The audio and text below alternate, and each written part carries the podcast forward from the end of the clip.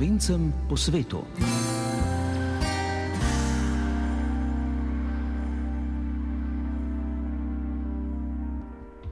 Lepo pozdravljeni, dragi prijatelji naše oddaje, tako na tujem kot doma. November se počasi izteka, pred vrati je že praznični december, ki bo spet prinesel tisto posebno razpoloženje v številne domove, tako doma kot po svetu. Tudi mesta se že počasi odevajo v praznično podobo, pa vendar je skoraj povsod tudi bližnje dogajanje zaznamovano s pandemijo, ki marsikje še vedno močno vpliva na vsakdanje dogajanje. Tako je tudi na Češkem, kamor se bomo preselili takoj po uvodu in se s slovenistko Matejo Kosi, ki poučuje na Masarikovi univerzi v Brnu, pogovarjali o razmerah na fakulteti in na Moravskem, pa tudi o njenih izkušnjah v desetletju življenja in dela na Češkem. Ustavili se bomo tudi v ameriškem Clevelandu, kjer se prav danes začenja tradicionalni festival slovensko-ameriške polke. Podrobnosti o prireditvi nam bo povedal zgodovinar Joe Valenčič. Predstavili pa bomo tudi Sebastiana Kovačiča, ki se je pred petimi leti odločil, da se preseli na Tajsko, kjer se ukvarja s turizmom. Vabljeni k poslušanju za glasbeni okvir je tudi tokrat poskrbel Jane Weber, skozi oddajo pa vas bom popeljala Lili Brunec. Začenjamo na Češkem, kjer je delo in novi dom pred dobrim desetletjem našla slovenistka iz Prlekije Mateja Kosi. Biva v Brnu, kjer poučuje slovenski jezik na filozofski fakulteti Masarikove univerze. V Brnu sicer ne biva prav veliko slovencev, zanimanje za Slovenijo in slovenščino pa je kar veliko med Čehi, pravi Mateja Kosi, ki to opaža pri svojih študentih. Matejo Kosi pozdravljam v naši oddaji in seveda v tem korona času se najprej ustavljava pri trenutnih razmerah na Češkem. Lepo pozdravljeni. Na Masarikovi univerzi v Brnu zaenkrat še pouk poteka v živo, vendar pa so se od tega tedna morali naši študenti začeti izkazovati s pogojem PCT, da lahko pridajo v živo na fakulteto na predavanja. Na češkem od tega tedna velja pogoj PC za gostinstvo, za nastanitve, za storitvene dejavnosti in za kulturne dogodke. Tako da je življenje precej oteženo, tudi razni ponudniki storitev se precej pritožujejo nad tem, da nimajo obiska. Na nas pa to v bistvu najbolj pliva s tem, da je na fakulteti zaradi vseh teh ukrepov odsvetovano organiziranje kakšnih dodatnih dejavnosti. Smo vse načrtovane dogodke preselili v online okolje, torej se bodo dogajali nadaljavo. Kako pa je v osnovnih šolah in srednjih šolah, poteka pouk še vedno v živo? V šolah zaenkrat še vedno poteka v živo. Tem, da so se zdaj že od začetka novembra učenci in dijaki vsak ponedeljek testirali v šolah. S tem, da je to trenutna situacija, ravno kar, ker so bile tudi včeraj zelo slabe številke z novimi okužbami, se pogovarjajo na češkem o morebitnih regionalnih zaprtjih države, kar bi se potem eh, med prvimi tikalo tudi Južne Moravske, ampak zaenkrat smo še uživo. Marsikaj poteka nadaljavo. V bistvu vse, kar se da preseliti nadaljavo, pri nas recimo na fakulteti je to tipično, da sestanki ne potekajo več uživo, ampak nadaljavo. Maske so obvezne na fakulteti v bistvu že dva tedna dlje, kot jih je določila vlada tem, da zaenkrat niso obvezne za predavatelje, zato da nas je lažje razumeti, vendar pa večinoma vsi, tako študentje kot predavatelji, nosimo maske pač za plastno varnost. Kako je pa s precepljenostjo na Češkem? Je dobra? Češka ima približno 65 odstotno precepljenost, tako da se trudijo za vedno večjo precepljenost. Interes za cepljenje je zdaj po vseh teh ukrepih spet bistveno večji, ker je necepljenim pač trenutno precej oteženo življenje. Tem, da pa bi mogoče povdarila, da pa opažamo na fakulteti, da imamo res večino študentov cepljenih. No, sicer pa je skoraj dva meseca novega študijskega leta že za študenti slovenskega jezika na Masarikovi univerzi. Koliko pa je leto študentov in kako je sploh organiziran študij slovenščine na filozofski fakulteti v Brnu? Ja, pri nas poteka študij za redne študente slovenistike, to pomeni, to so lahko enopredmetni ali dvopredmetni študenti slovenistike. Teh imamo trenutno štiri, s tem, da pa je veliko večje zanimanje za izbirno učenje slovenščine, kamor se potem lahko upišajo vsi študenti iz celotne univerze, tam pa imamo okrog 20 študentov trenutno v treh nivojih. So seznanjeni z Slovenijo tudi že kaj vaši študentje, preden se upišajo na študij, poznajo Slovenijo sicer? Ja, tisti, ki pridajo na slovenistiko, prav na študij slovenistike, tisti večinoma že zelo dobro poznajo Slovenijo in tudi s to neko ljubeznijo do Slovenije pridajo študirati jezik. In to se potem zelo, zelo pozna, ker v bistvu iz te ljubezni do same dežele, do ljudi, do kulture študirajo tudi jezik in ga kar usrkajo. Večina jih je že bila že pred študijem, kdaj v Sloveniji tudi recimo študijsko ali preko srednjih šol in kakih programov izmenjave. Še bolj zanimivo pa je, da zelo opažam pri izbirnih študentih slovenščine, ki se večinoma za slovenščino odločijo ali zato, ker so prišli izmenjave v Slovenijo ali pa zato, ker se tja podajajo in bi se radi tudi jezikovno malce pripravili. Veliko krat se nam zgodi, da študenti odidajo recimo na semestrske izmenjave v Slovenijo in se potem dalje kar naprej vračajo in nam potem v Sloveniji tudi ostanejo ali najdejo zaposlitev. Sicer na Češkem živi tudi nekaj slovencev, njih prav veliko, ne večina jih biva v Pragi, manjša skupina pa vas je tudi v Brnu, kaj ne? Ja, manjša skupina res. Recimo, ocenila bi nas na kakšnih 20 do 30 ljudi. V zadnjem času se veliko ljudi tudi preseljuje na Češko, tako da je veliko teh priseljencev v bistvu bolj kot ne novih priseljencev v zadnjih nekaj letih. Spomnim se, da ko sem prišla pred desetimi leti, sem tako izvedela za okrog deset ljudi, ki so bili že dalj časa tukaj. Zdaj pa vsako leto slišim za koga, ki se spet preseli na novo, večinoma zaradi dobrih delovnih priložnosti in se potem tudi poskusimo povezovati. Večinoma nam to tudi gre z nekaterimi pa se pač ne najdemo toliko s tem, da pa nas poskušamo povezati v vsakoletnem srečanju slovencev v Brnu. Ste slovenci v Brnu kaj organizirani? Zdaj v Pragi deluje slovensko društvo Jože Plečnik. Eh, deluje kakšno slovensko društvo ali društvo povezano s Slovenijo tudi v Brnu? Slovenci smo bolj povezani prav s tem društvom, ki ste ga omenili, društvo Jožeta Plečnika, ki deluje v Pragi, s katerim veliko sodelujemo. Potem pa v Brnu delujeta še dve društvi in sicer Češko-slovensko društvo, ki ga vodi uh, gospa Alena Šamonilova in potem še Društvo prijateljev južnih Slovanov, ki ga trenutno vodi profesor Boris Krška. In obe društvi v bistvu nekako povezujeta tako Slovence kot uh, to drugo društvo tudi ostale južne Slovane, ampak tudi domače prijatelje naših težel. Vi delujete kot lektorica slovenskega jezika v Brnu na Masarikovi univerzi že desetletje. Masarikova univerza je sicer najpomembnejša izobraževalna ustanova v Brnu in druga največja univerza na Češkem. Veliko se dogaja tudi v okviru študija slovenistike, predvsem pripravljate v okviru slovenskega lektorata številne kulturne projekte, literarne in filmske dogodke in s tem tudi približate študij slovenščine študentom, hkrati pa poskrbite za promocijo slovenščine. Slovenije, slovenske kulture in literature na Češkem. Kaj ne pripravljate kakšen kulturni dogodek tudi v prihodnjih tednih?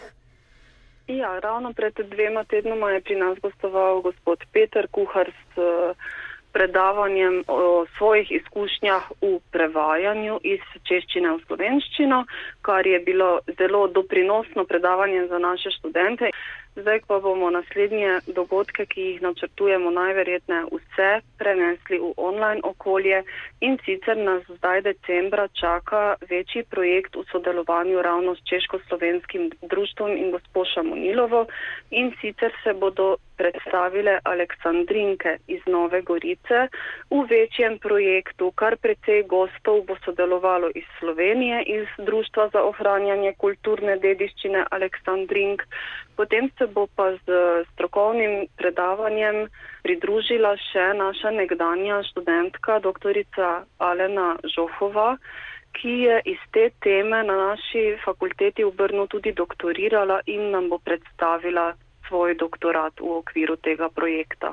Sicer pa kulturno življenje in dogajanje v Brnu je nasplošno zelo bogato, ne? Zdaj med korono verjetno manj, ampak Brno je nasplošno kulturno zelo pestro mesto, kaj ne? Zelo. Predvsem bi poudarila gledališča, to je bil zame prav šok, ko sem se preselila, koliko in kako bogata so tukaj gledališča in gledališki repertoarji, to si res vsak dan človek izbira med šestimi, sedmimi predstavami gledališkimi, kamor bi želel iti. Tudi koncertov je ogromno, raznih razstav in podobnega. Tudi športno dogajanje je zelo bogato, ne v Brnu. Ja, športno dogajanje še vedno živi v polni meri, tudi s polnimi stadioni in zaenkrat sploh še ni posebnih omejitev tako da predvsem hokejske tekme so pač tukaj športni dogodki številka ena in tja gre res vedno po nekaj tisoč gledalcev. Vi sicer, gospa Kosi, že od leta 2011 živite in delate v Brnu. Kako ste se pravzaprav odločili za odhod na Moravsko? Vas je tja vodilo zgolj delo ali je bila še kakšna druga povezanost s Češko? Pripeljalo me delo, ostale povezanosti so se zgradile potem v teh letih, ampak v bistvu je prišlo zelo naključno, precej nenačrtovano. V bistvu je prišlo kot ena lepa ponudba za življenje. Tako. Že prej sem bila na izmenjavah, na študijskih izmenjavah, najprej v Pragi, potem tudi v Brnu. In tudi zasebno sem veliko potovala na Češko, ker mi je bila kultura blizu, jezik mi je bil všeč. V bistvu mi je s tistim prvim obiskom, ki sem ga doživela nekje v času študija s takratno lektorico češčine v Ljubljani in smo takrat prvič potovali na ekskurzijo v Prago. Takrat mi je Češka tako prirasla k srcu, da je ostala ljubezen mojega življenja. Verjetno ste se tudi zaradi tega hitro navadili, tako na mesto, kot tudi na ljudi. Sicer prihajate iz Prlekije, ne? Moravska je tudi malo podobna Prlekiji, ne? Brno je pa tudi prijazno mesto, tudi slovenci so verjetno dobro sprejeti, kaj ne? Točno tako, zelo dobro smo sprejeti, nasploh slovenci, dobro mnenje vlada o Sloveniji in o ljudeh iz Slovenije. In pa ja, Prlekija in Moravska sta si podobni, na vse zadnje sta to oba vinorodna okoliša, tako da imamo marsikaj skupnega. Na Moravskem se namreč ne pije samo pivo, ampak tudi odlična vina so tukaj, tako da so ljudje tudi podobni, zelo odprti, nasmejani, radi se šalijo. Takole, res ni bilo nekega kulturnega šoka, da se tukaj ne bi mogla navaditi, kulturi sta si zelo podobni.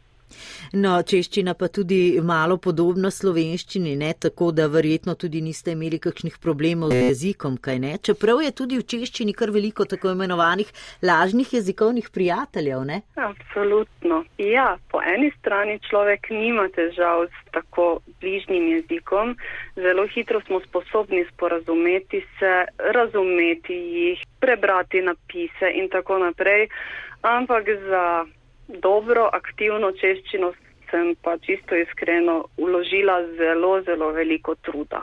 Češčina je zelo težka za izgovorjavo, ker je za nas kot slovence zelo mehek jezik, zelo mehko jo je treba izgovarjati, da potem pomen besede pride do izraza. Poleg tega ima dolžine tudi na nenaglašenih zlogih, na kar mi sploh nismo navajeni. Tako da najprej je en velik zalogaj naučiti se jo izgovarjati, potem še en korak dalje je pa naučiti se jo pisati. To je pa uh, kar eh, resnično, resnično zahtevno. Kako pa teče življenje na Češkem? Po čem se razlikuje od tistega v Sloveniji? Kakšne so, naprimer, cene, standard, zdravstveno, socialno zavarovanje? Kako imajo oni to urejeno, zaposlovanje, dostopnost do stanovanj in tako naprej, če bi ga primerjali z življenjem v Sloveniji? Ja, moram reči, da je življenje zelo podobno. Tudi inštitucije državne zelo, zelo podobno funkcionirajo. Mogoče je Češka kak korak pred Slovenijo v tem, da se da še več stvari rešiti preko interneta, online, z raznimi formularji in to je bilo tukaj eh, normalno že pred obdobjem COVID-a. Drugače, sploh zdravstvene inštitucije so na zelo visokem nivoju zelo prijazne do uporabnika. Recimo, če samo poudarim čakalne vrste na večje posege, na katere se v Sloveniji čaka tudi po mesec, dva ali tri, se tukaj ne čaka. Večinoma je to v roku enega meseca je človek na vrsti za karkoli v zdravstvenem sektorju. Cene so zelo podobne kot v Sloveniji, res pa je, da so v teh desetih letih, kar jaz živim v Brnu, cene zelo, zelo poskočile. Tako cene življenskih stroškov, kot recimo cene nepremičnin. Recimo, če primerjam, takrat, ko sem se preselila, bi cene lahko primerjala s cenami v mojem rojstnem Ljutomeru zdaj so cene na ljubljanskem nivoju ali so ljubljano celo v marsičem presegle. Kaj pa za poslovanje? Zdaj Brno oziroma Češka je veljala za eh, zelo dobro zaposljivo. Brezposelnost je bila zelo majhna na Češkem še vedno velja, da je brezposelnost v bistvu skoraj da ničelna, ker je samo tistih nekih tri odstotke brezposelnosti. V bistvu, tako kot socialni sektor to dojema, je v bistvu nek odstotek prebivalstva nezaposljiv in Čehi pravijo, da imajo brezposel samo teh nekaj odstotkov prebivalstva, ki v bistvu jih je težko zaposliti iz takih ali drugačnih razlogov. Drugače pa še vedno so službe na razpolago, vse čas se pojavljajo novi oglasi za delovna mesta, reklame za delovna mesta so po vsem mestu, po tramvaju, v vsaki trgovini je skoraj kak plakat, tako ga iščejo. Pri nas na fakulteto človek gre skozi recepcijo, tam je oglas za delovna mesta, ki jih išče naša fakulteta, tako da dobiti službo res ni težko. Gospa Mateja Kosi, kaj se je vam na češkem še posebej priljubilo? Kaj pa iz Slovenije morda pogrešate? Mogoče je to najbolj razlika med majhnim in velikim mestom. Pogrešam neko to domačnost, majhna mesta, ki jih imamo v Sloveniji, to, da človek na vsakem koraku sreča koga znanega. V primerjavi s tem je Brno pač veliko mesto, kjer je človek bistveno bolj anonimen.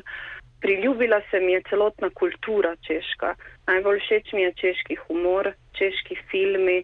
Tisto, kar mi pa iz Slovenije malo manjka, je pa ne vem, več slovenske glasbe, tudi ne vem, slovenski programi po televiziji, pač jih je treba poiskati, niso samo umevni in pa ta domačnost, ki bi jo pripisala Sloveniji. Gospa Mateja Kosi, omenili ste, da vam uh, manjka uh, slovenske glasbe, pa morda za konec, kaj slovenski glasbi vendarle prisluhnete tudi v Brnu? Vsekakor poslušam radijske postaje, slovenske tudi zato, da sem na tekočem s tem, kaj se dogaja v Sloveniji, prav tako vse čas spremljam.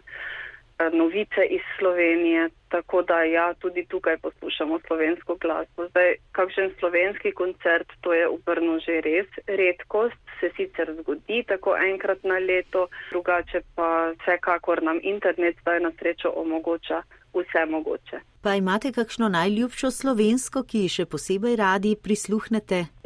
Ja, zelo rada recimo poslušam našega pomorskega rojaka Vlada Kreslina. Uh, mogoče cesta. Cesta, zelo lepa pesem. Potem vam pa cesto zavrtimo tudi v naši oddaji in jo po radijskih valovih pošljemo na Moravsko. Gospa Mateja, ko si najlepša hvala za tale prijeten pogovor, vse dobro vam želim in uspešno delo na lektoratu in lep pozdrav iz Ljubljane. Najlepša hvala, lep pozdrav tudi vam. Dolga, dolga je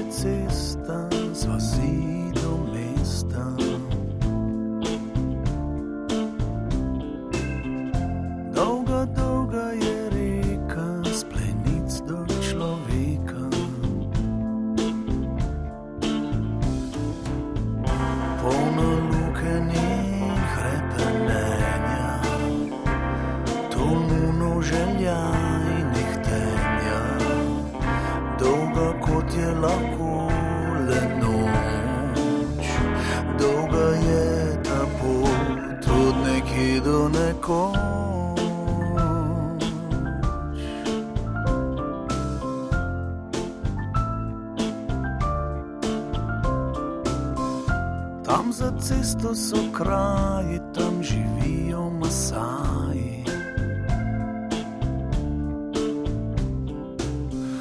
Tu ob reki glej dekle v beli obleki. S krilami je svet odlaj, vzela me na svojo Včeraj bil je v svet klicaj, zdaj vsaki kapljici vprašaj.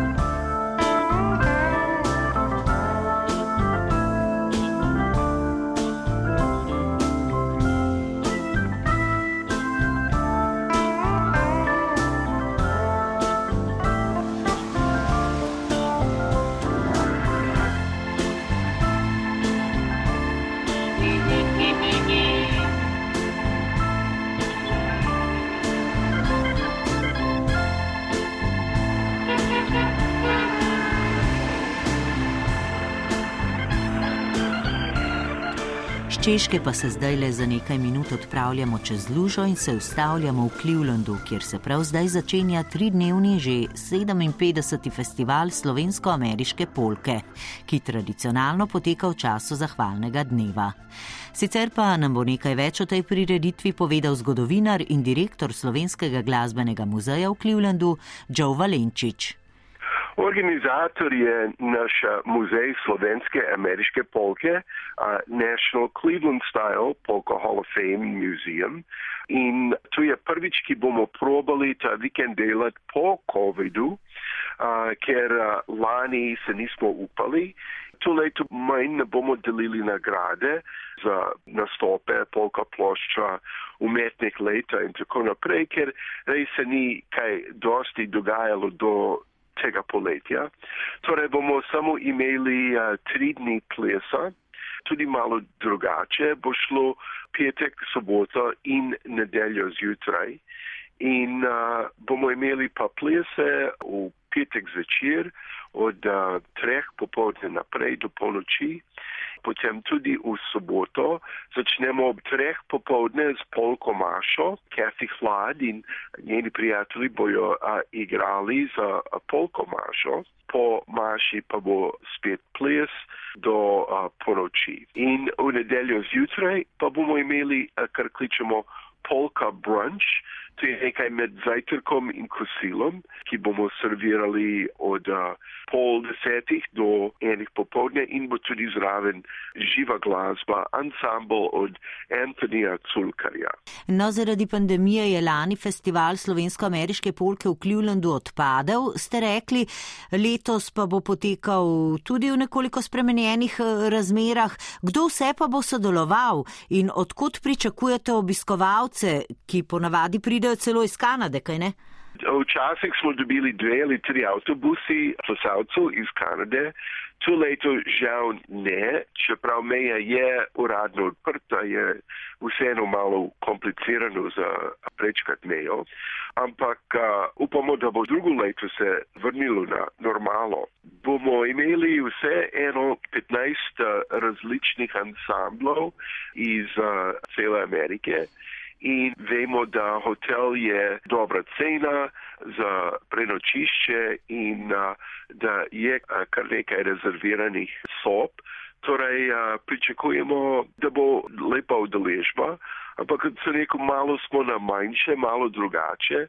Tudi smo v drugem hotelu, za več kot 20 let smo bili v Marriott hotelu v downtownu in uh, to leto bomo v predmestje v Holiday Inn na, na južni del uh, Clevelanda in mislimo, da bo kar dobro udeležba, čeprav tudi pri nas COVID ni še se ukinil, ampak vseeno upamo za najboljše. Bomo imeli socialne distance, bomo imeli razkuževanja na razpolago in tako naprej. No, menili ste, da bo sodelovalo 15 eh, ansamblov, odkud pa so ti ansambli, ti izvajalci in kdo so pravzaprav so to slovenci, eh, člani ansamblov? Večinoma člani ansamblov in uh, te voditelji ansamblov so slovenskega porekla, ampak ne vsi, ker polka glasba privabi tudi druge ljudje iz drugih narodnosti,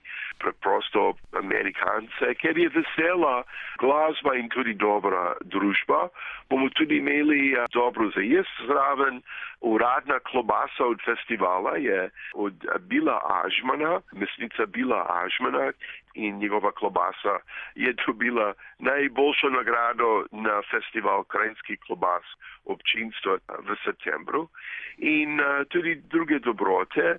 Torej ni samo za ples in za dobra glasba, je tudi za družba in za, za se razveseliti, ker navadno drugi dan imajo ljudje prost dan, praznik in bojo izkoristili to priliko za uh, dobro glasbo in za se dobiti med prijatelji.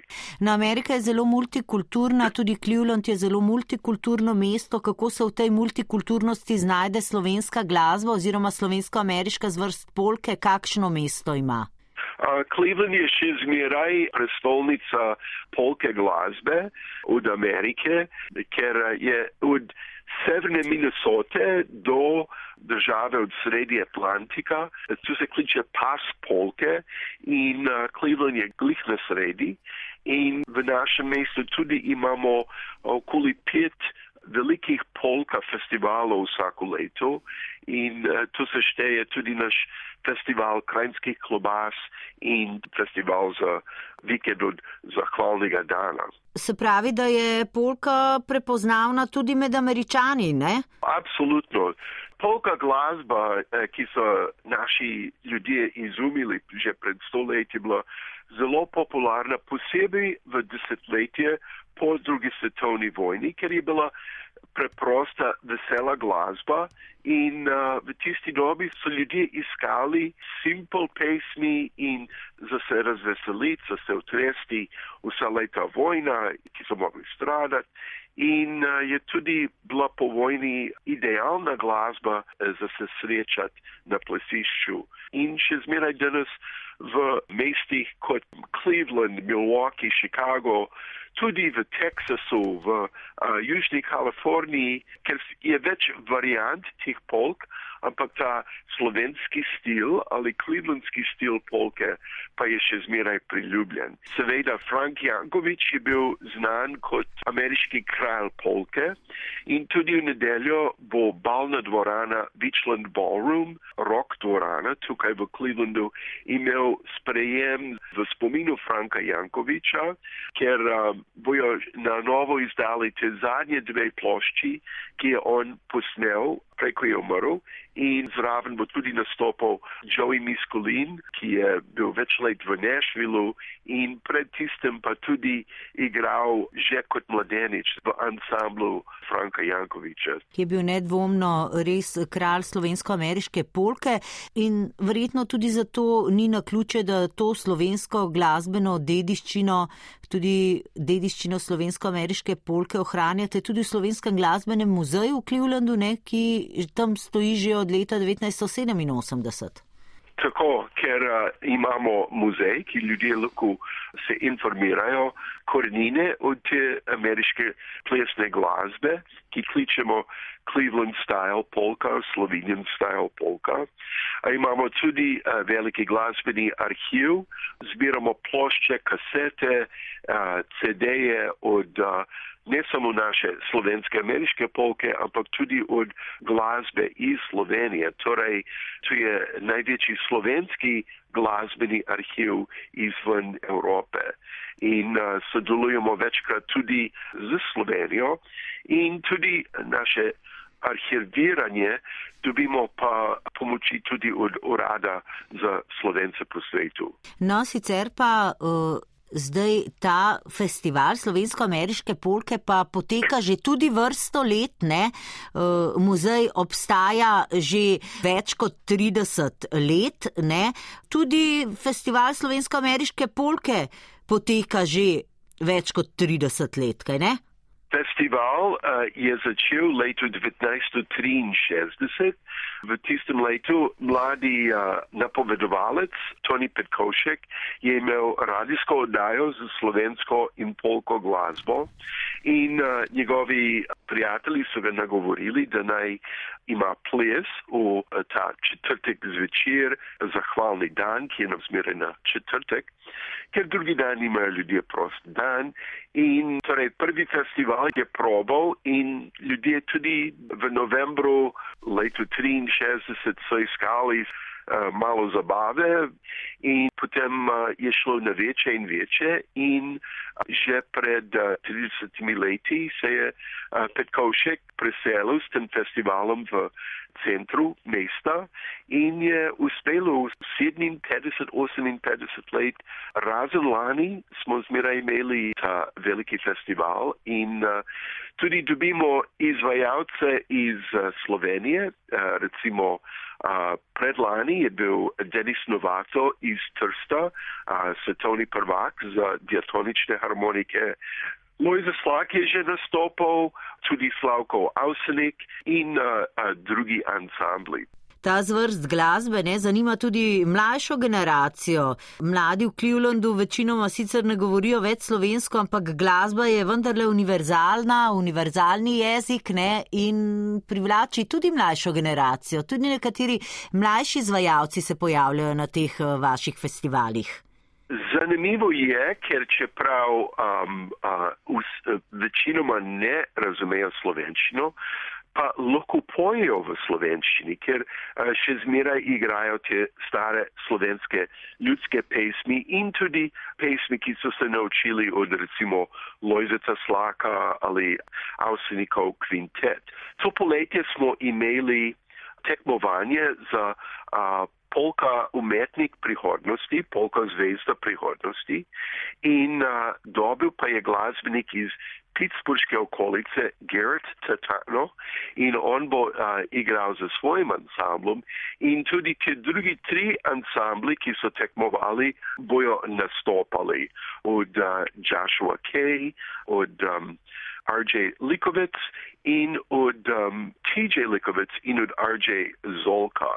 In bojo igrali, so vsi so mladi, najstarejši ima 25 let in so res krasni glasbeniki.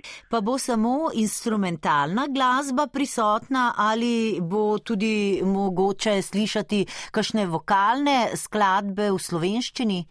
Ja, vse bo v slovenščini, v angliščini, seveda, ni samo instrumentalna glasba. In ta harmonikar Anthony Culkar pa bo imel tudi tečaj za harmonikaše, ker bo pokazal različne vrste harmonike, diatonične, kromatične, klovirske in kaj je razlika med njimi in med delavnic harmonik, ker uh, tudi v Ameriki imamo že več kot sto let stara tradicija slovenskih delavnic harmonik.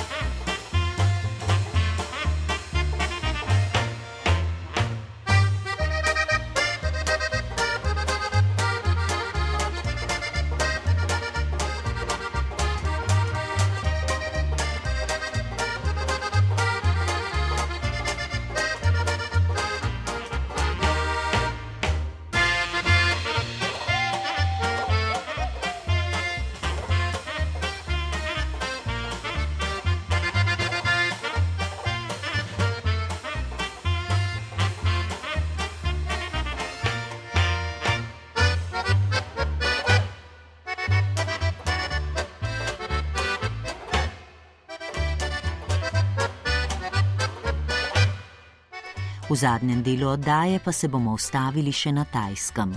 Tja se je leta 2015 kot popotnik odpravil Sebastian Kovačič. Dežela nasmehov ga je tako prevzela, da je sklenil, da se še vrne, ni pa vedel, da bo tam tudi ostal.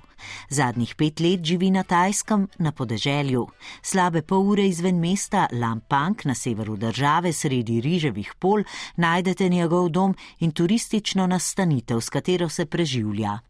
Darja Pograjc je Sebastiana Kovačiča povabila na pogovor in najprej poizvedela, kaj je tisto, kar ga je pravzaprav ob drugem obisku zadržalo na Tajskem.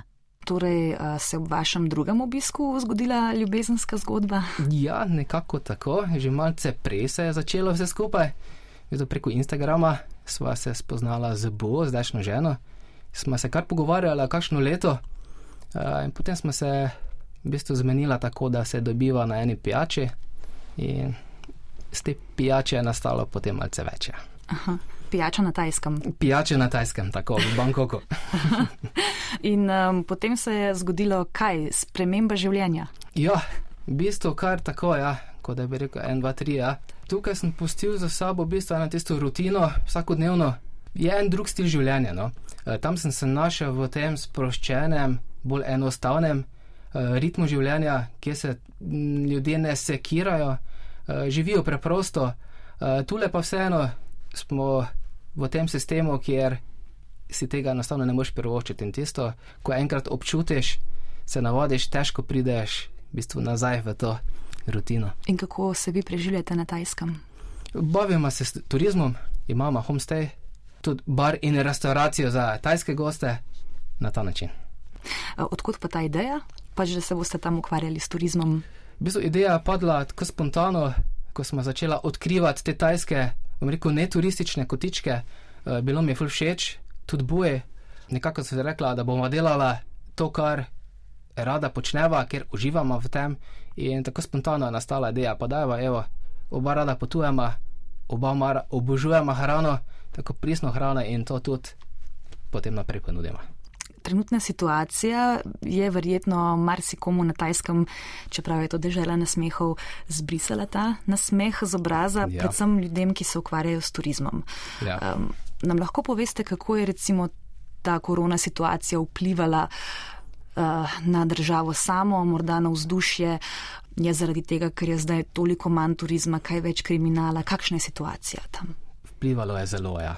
Uh, Tajska je zelo turistična destinacija, reko kar več kot tretjina ljudi je nekako odvisnih od tujega turizma. Te najbolj turistične zadeve so utrpele kar precej škode. V bistvu, hoteli so zaprti, restauracije so zaprti, bari, določene turistične agencije. To je res ogromna masa ljudi, plus tega razne nočne tržnice, kdo je bil na tajskem, ve, da to je zelo ogromno ljudi od tega odvisnih in je, stanje je zelo slabo, ja. na teh turističnih lokacijah je zelo slabo. Če kdaj se znano vzdušje v državi? Kako se Tajci počutijo ob vsem tem? Tisti, kateri niso odvisni od turizma, v bistvu mi je, mi je v redu, uh, ker vseeno domač, domač turizem, domači gostov uh, ni utrpel škode, pravzaprav ponekod celo boljše kaže. Pri teh, pri teh tujem, pri tujem delu, pri tujem turizmu pa ja, ni vzdušje, ni vzdušje, ni ravno pravo. Ja. Kdaj mislite, da se bo kaj izboljšalo oziroma odprlo za nas ja, ostale? Počasi se je začela odpirati Tajska, upam, da se čim prej odpre.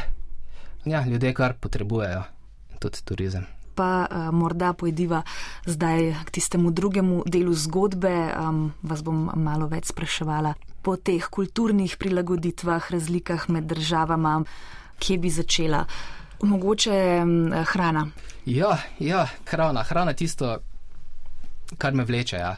Uh, vedno sem rad tam, kjer je dobra hrana in na tajskem, na tajskem je dobra hrana. Ljudje živijo z naravo, v bistvu iz narave vzamejo vse, kar je, vse, kar je možno. Mi smo, mi smo malce ven iz mesta, na podeželju in tam še pride to precej bolj do izraza.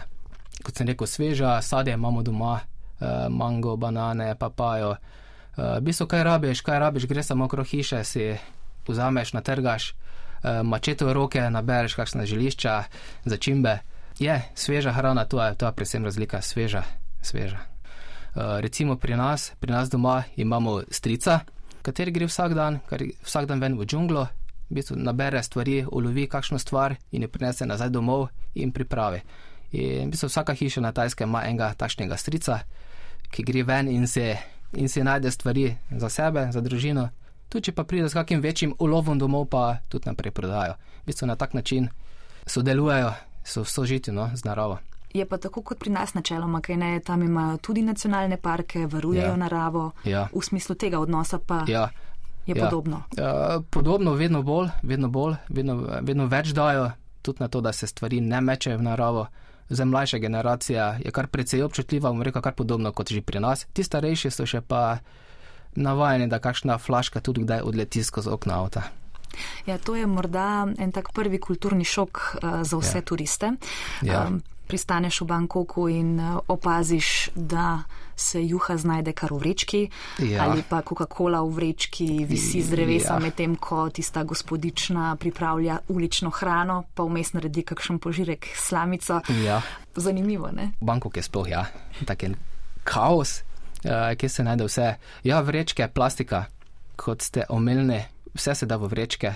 Če naročiš piščanca za domov, bo šel piščanec v eno vrečko, riž v drugo, juha v tretjo, solata v četrto, omaka v peto in vse skupaj še v eno vrečko. Delajo tudi nekaj na tem, ponekod že zavijajo v bananine liste, v kokos, probajo počasi tudi vse smere nekaj delati. To mi je všeč. Ja, da se počasi zadeve ja. spreminjajo. Ja. Se mi zdi, da se zavedajo uh, problema onesnaževanja. Ja. Um, zanimiv uh, je bil recimo ta ukrep, da so tisto najslavnejšo plažo oziroma zaliv ja. na Tajskem kar zaprli zaradi ja. onesnaženja. Uh, v bistvu ta je, ta prišla v medije, no? je še par, še par takšnih podobnih plaž oziroma zalivov je tu zaprti. Vse počasi iz, izboljšuje stanje, ravno so objavili da že plavajo, ne vem, morski psi, korale se obnavljajo. Uh, ne bodo še odprli, še en čas, sigurno ne, mogoče bodo odprli samo recimo za par mesecev. Pozdravljam tole, no, v vsakem primeru. Je, ker to je kar velik korak. Ne, da država, je. ki je tako odvisna od turizma, pravzaprav zapre neko to žilo. Ja. čaka na ja, to, da se onesnaženje pravzaprav ja, čisti. Sem, sem bil vas tudi presenečen ja, nad to potezo. Samo dobro za prihodnost. Kaj pa se je recimo eh, dogajalo v smislu, um, če smo že pri kulturnih šokih, razlikah, ja. v smislu komunikacije? So bile kakšne težave na začetku? Pa ne, ne bom rekel ravno nesporazumov, je pa bilo do zabavnih, recimo, takšnih trenutkov. Ja. Uh, ok, najprej se pač uh, pozdrav, tajski pozdrav je tako, da v bistvu skleneš roke in se, tak, in se prikloniš, si ne segajo v roke. Drugač pa vse se vrti, tajsko življenje se nekako vrti kot hrane. Kot sem že omenil, prej strica zna biti zelo zanimiva ta hrana. In ravno no, to sem imel par takšnih zanimivih trenutkov v štartu, recimo, ki mi je, kaj mi je stric pripravil njegove specialitete, ko se vrnil z lova. To je bilo kar prvi, prvi večer, ko sem tam prišel, je nasekal bambus in vsi poriž v bambus, in ga postavil na ogen. Vmes e, je pripravljal žabe in rake, e, tudi v neki v kari omaki. Gledam, to vse skupaj je trajalo, da se zadeva pripravi, pride za tem bambusom do mene nazaj, mi ga pomoli v roko in reče, ne začnem jesti. To je bila je zbrana cela družina, jaz pojma nisem imel, kaj to je sploh. Uh, gledam tisto, nisem vedel, kako se lotiti. In mi pokaže tako z rokami, naj, naj odtrgam ta bambus, ki sem probal, je malo težko, v glavnem potem nekako odprem in mi kaže, da kar z roko vzamem ta riž ven. Pa res bil tak, tak stiki, taki pri stiki, raj se reče, taki eh, lepljivi. lepljivi riž, ja, treba ga z roko, z roko jesti. In potem sem zagrabil tisti riž z roko, namočil v takari juho, skupaj z žabo in rake. In gledam vse skupaj tako prijel in kar to kepo tukaj pa, pa dal v usta. Recimo, to je taka klasika na tajskem, recimo, da se na tak način je. To sem bil kar presenečen, ja, pa, reč, pa zelo pekoče. Ampak je bilo dobro. Dobro, dobro, pa pekoče. leteče muhe, leteče, leteče mravlje, kobilice, ščurke, hrošče, vse, vse, vse se znajde. Črve, ličinke, bele, drevesne vse, vse, vse pojejo. Uh -huh. Verjamem, da um, je prvi poskus težek, ampak potem pa se verjetno človek navadi. Ja, ja. v bistvu imamo v glavi imamo zaporo, ker pač nismo tega vajeni. Uh, Bua me v štartu uh, parkrat testirala, tako da mi ni povedala, kaj je naredila. Ni mi povedala prej, ampak sem pojedel, potem kasneje mi je povedala, v bistvu tako sem zgubil ta strah pred sodke, uh, pred temi žuželkami. Saj, ko se, ko se pripravi zadeva, tudi v voku s temi omakami, v bistvu sploh ni, sploh ni napačno, uh, imamo, imamo pa v glavi zapor. Dobro, uh, toliko o hrani. Uh, kaj pa, kar se tiče recimo nekega sistema, načina, na katerega je urejeno življenje tam, je bilo kaj, česar se je bilo treba res navaditi, ne vem, v mislih imam morda vožnjo po levi. To je bila ena taka zadeva, ja, ki me je štarte mogoče malce begala. Začel sem voziti avto na podeželju.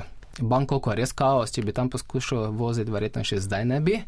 Uh, drugač pa ja, ta leva stran, ti predpisi so bolj divje, ma, večinoma tajcev, kaj zunaj, zunaj večjih mest nimajo tudi izpita, v bistvu ne poznajo pravil in ne znajo voziti. To, je problem, zato tudi prihaja do zelo dost nesreč. Tega se najbolj paziti, no, potrebno na tajskem, tega, tega kaosa. A je bilo še kaj podobnega?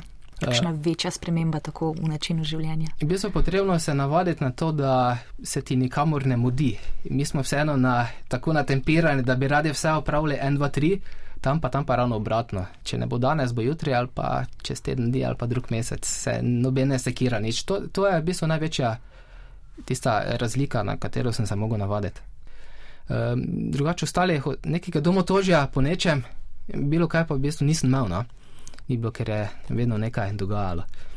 Zdaj, tukaj pogrešam pa to ravno to sproščenost, tisto tajsko, da vedno in posod nekaj dogaja, včasih zvečer.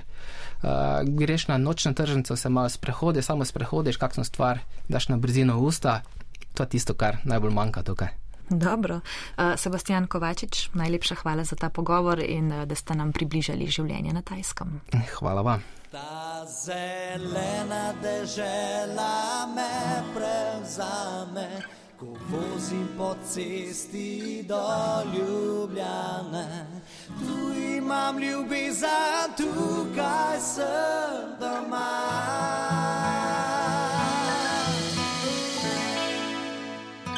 Povsod sem bil čisto sam. Pod za kruhom vodi vedno druga. Prevozil sem tisoč cest, videl bliščim bedo tujih mest. Ta zelena dežela me prevzame, vozim po cesti do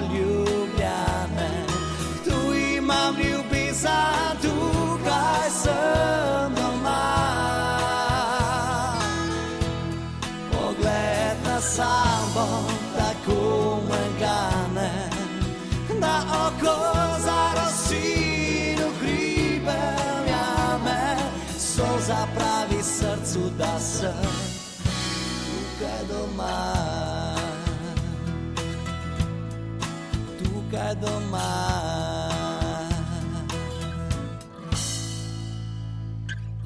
Bil sem pesmi in lagal, tu je ženske v zvezde koval. Iskal sem dom, toda za manj. Srcu je le tisti, ki ga pozna.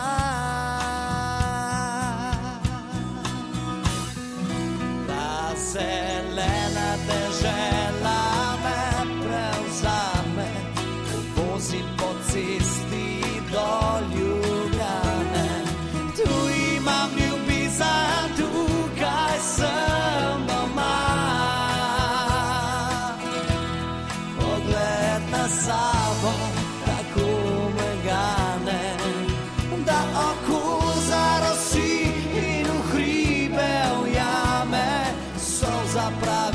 srcu, da sem tukaj doma. Tukaj doma.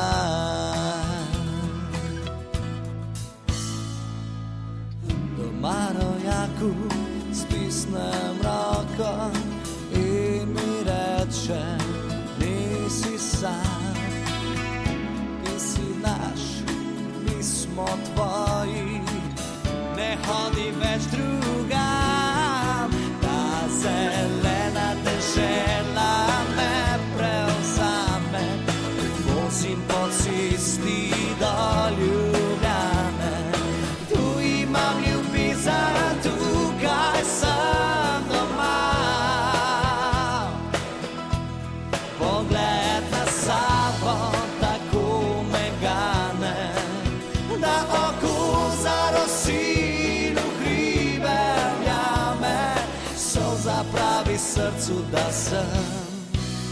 Tukaj doma.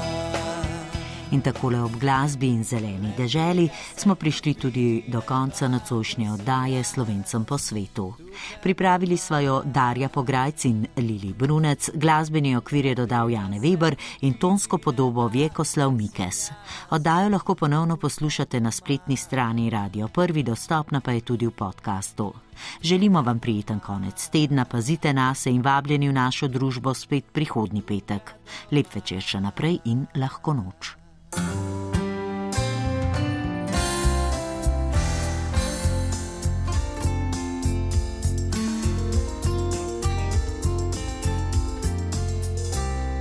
Slovencem po svetu.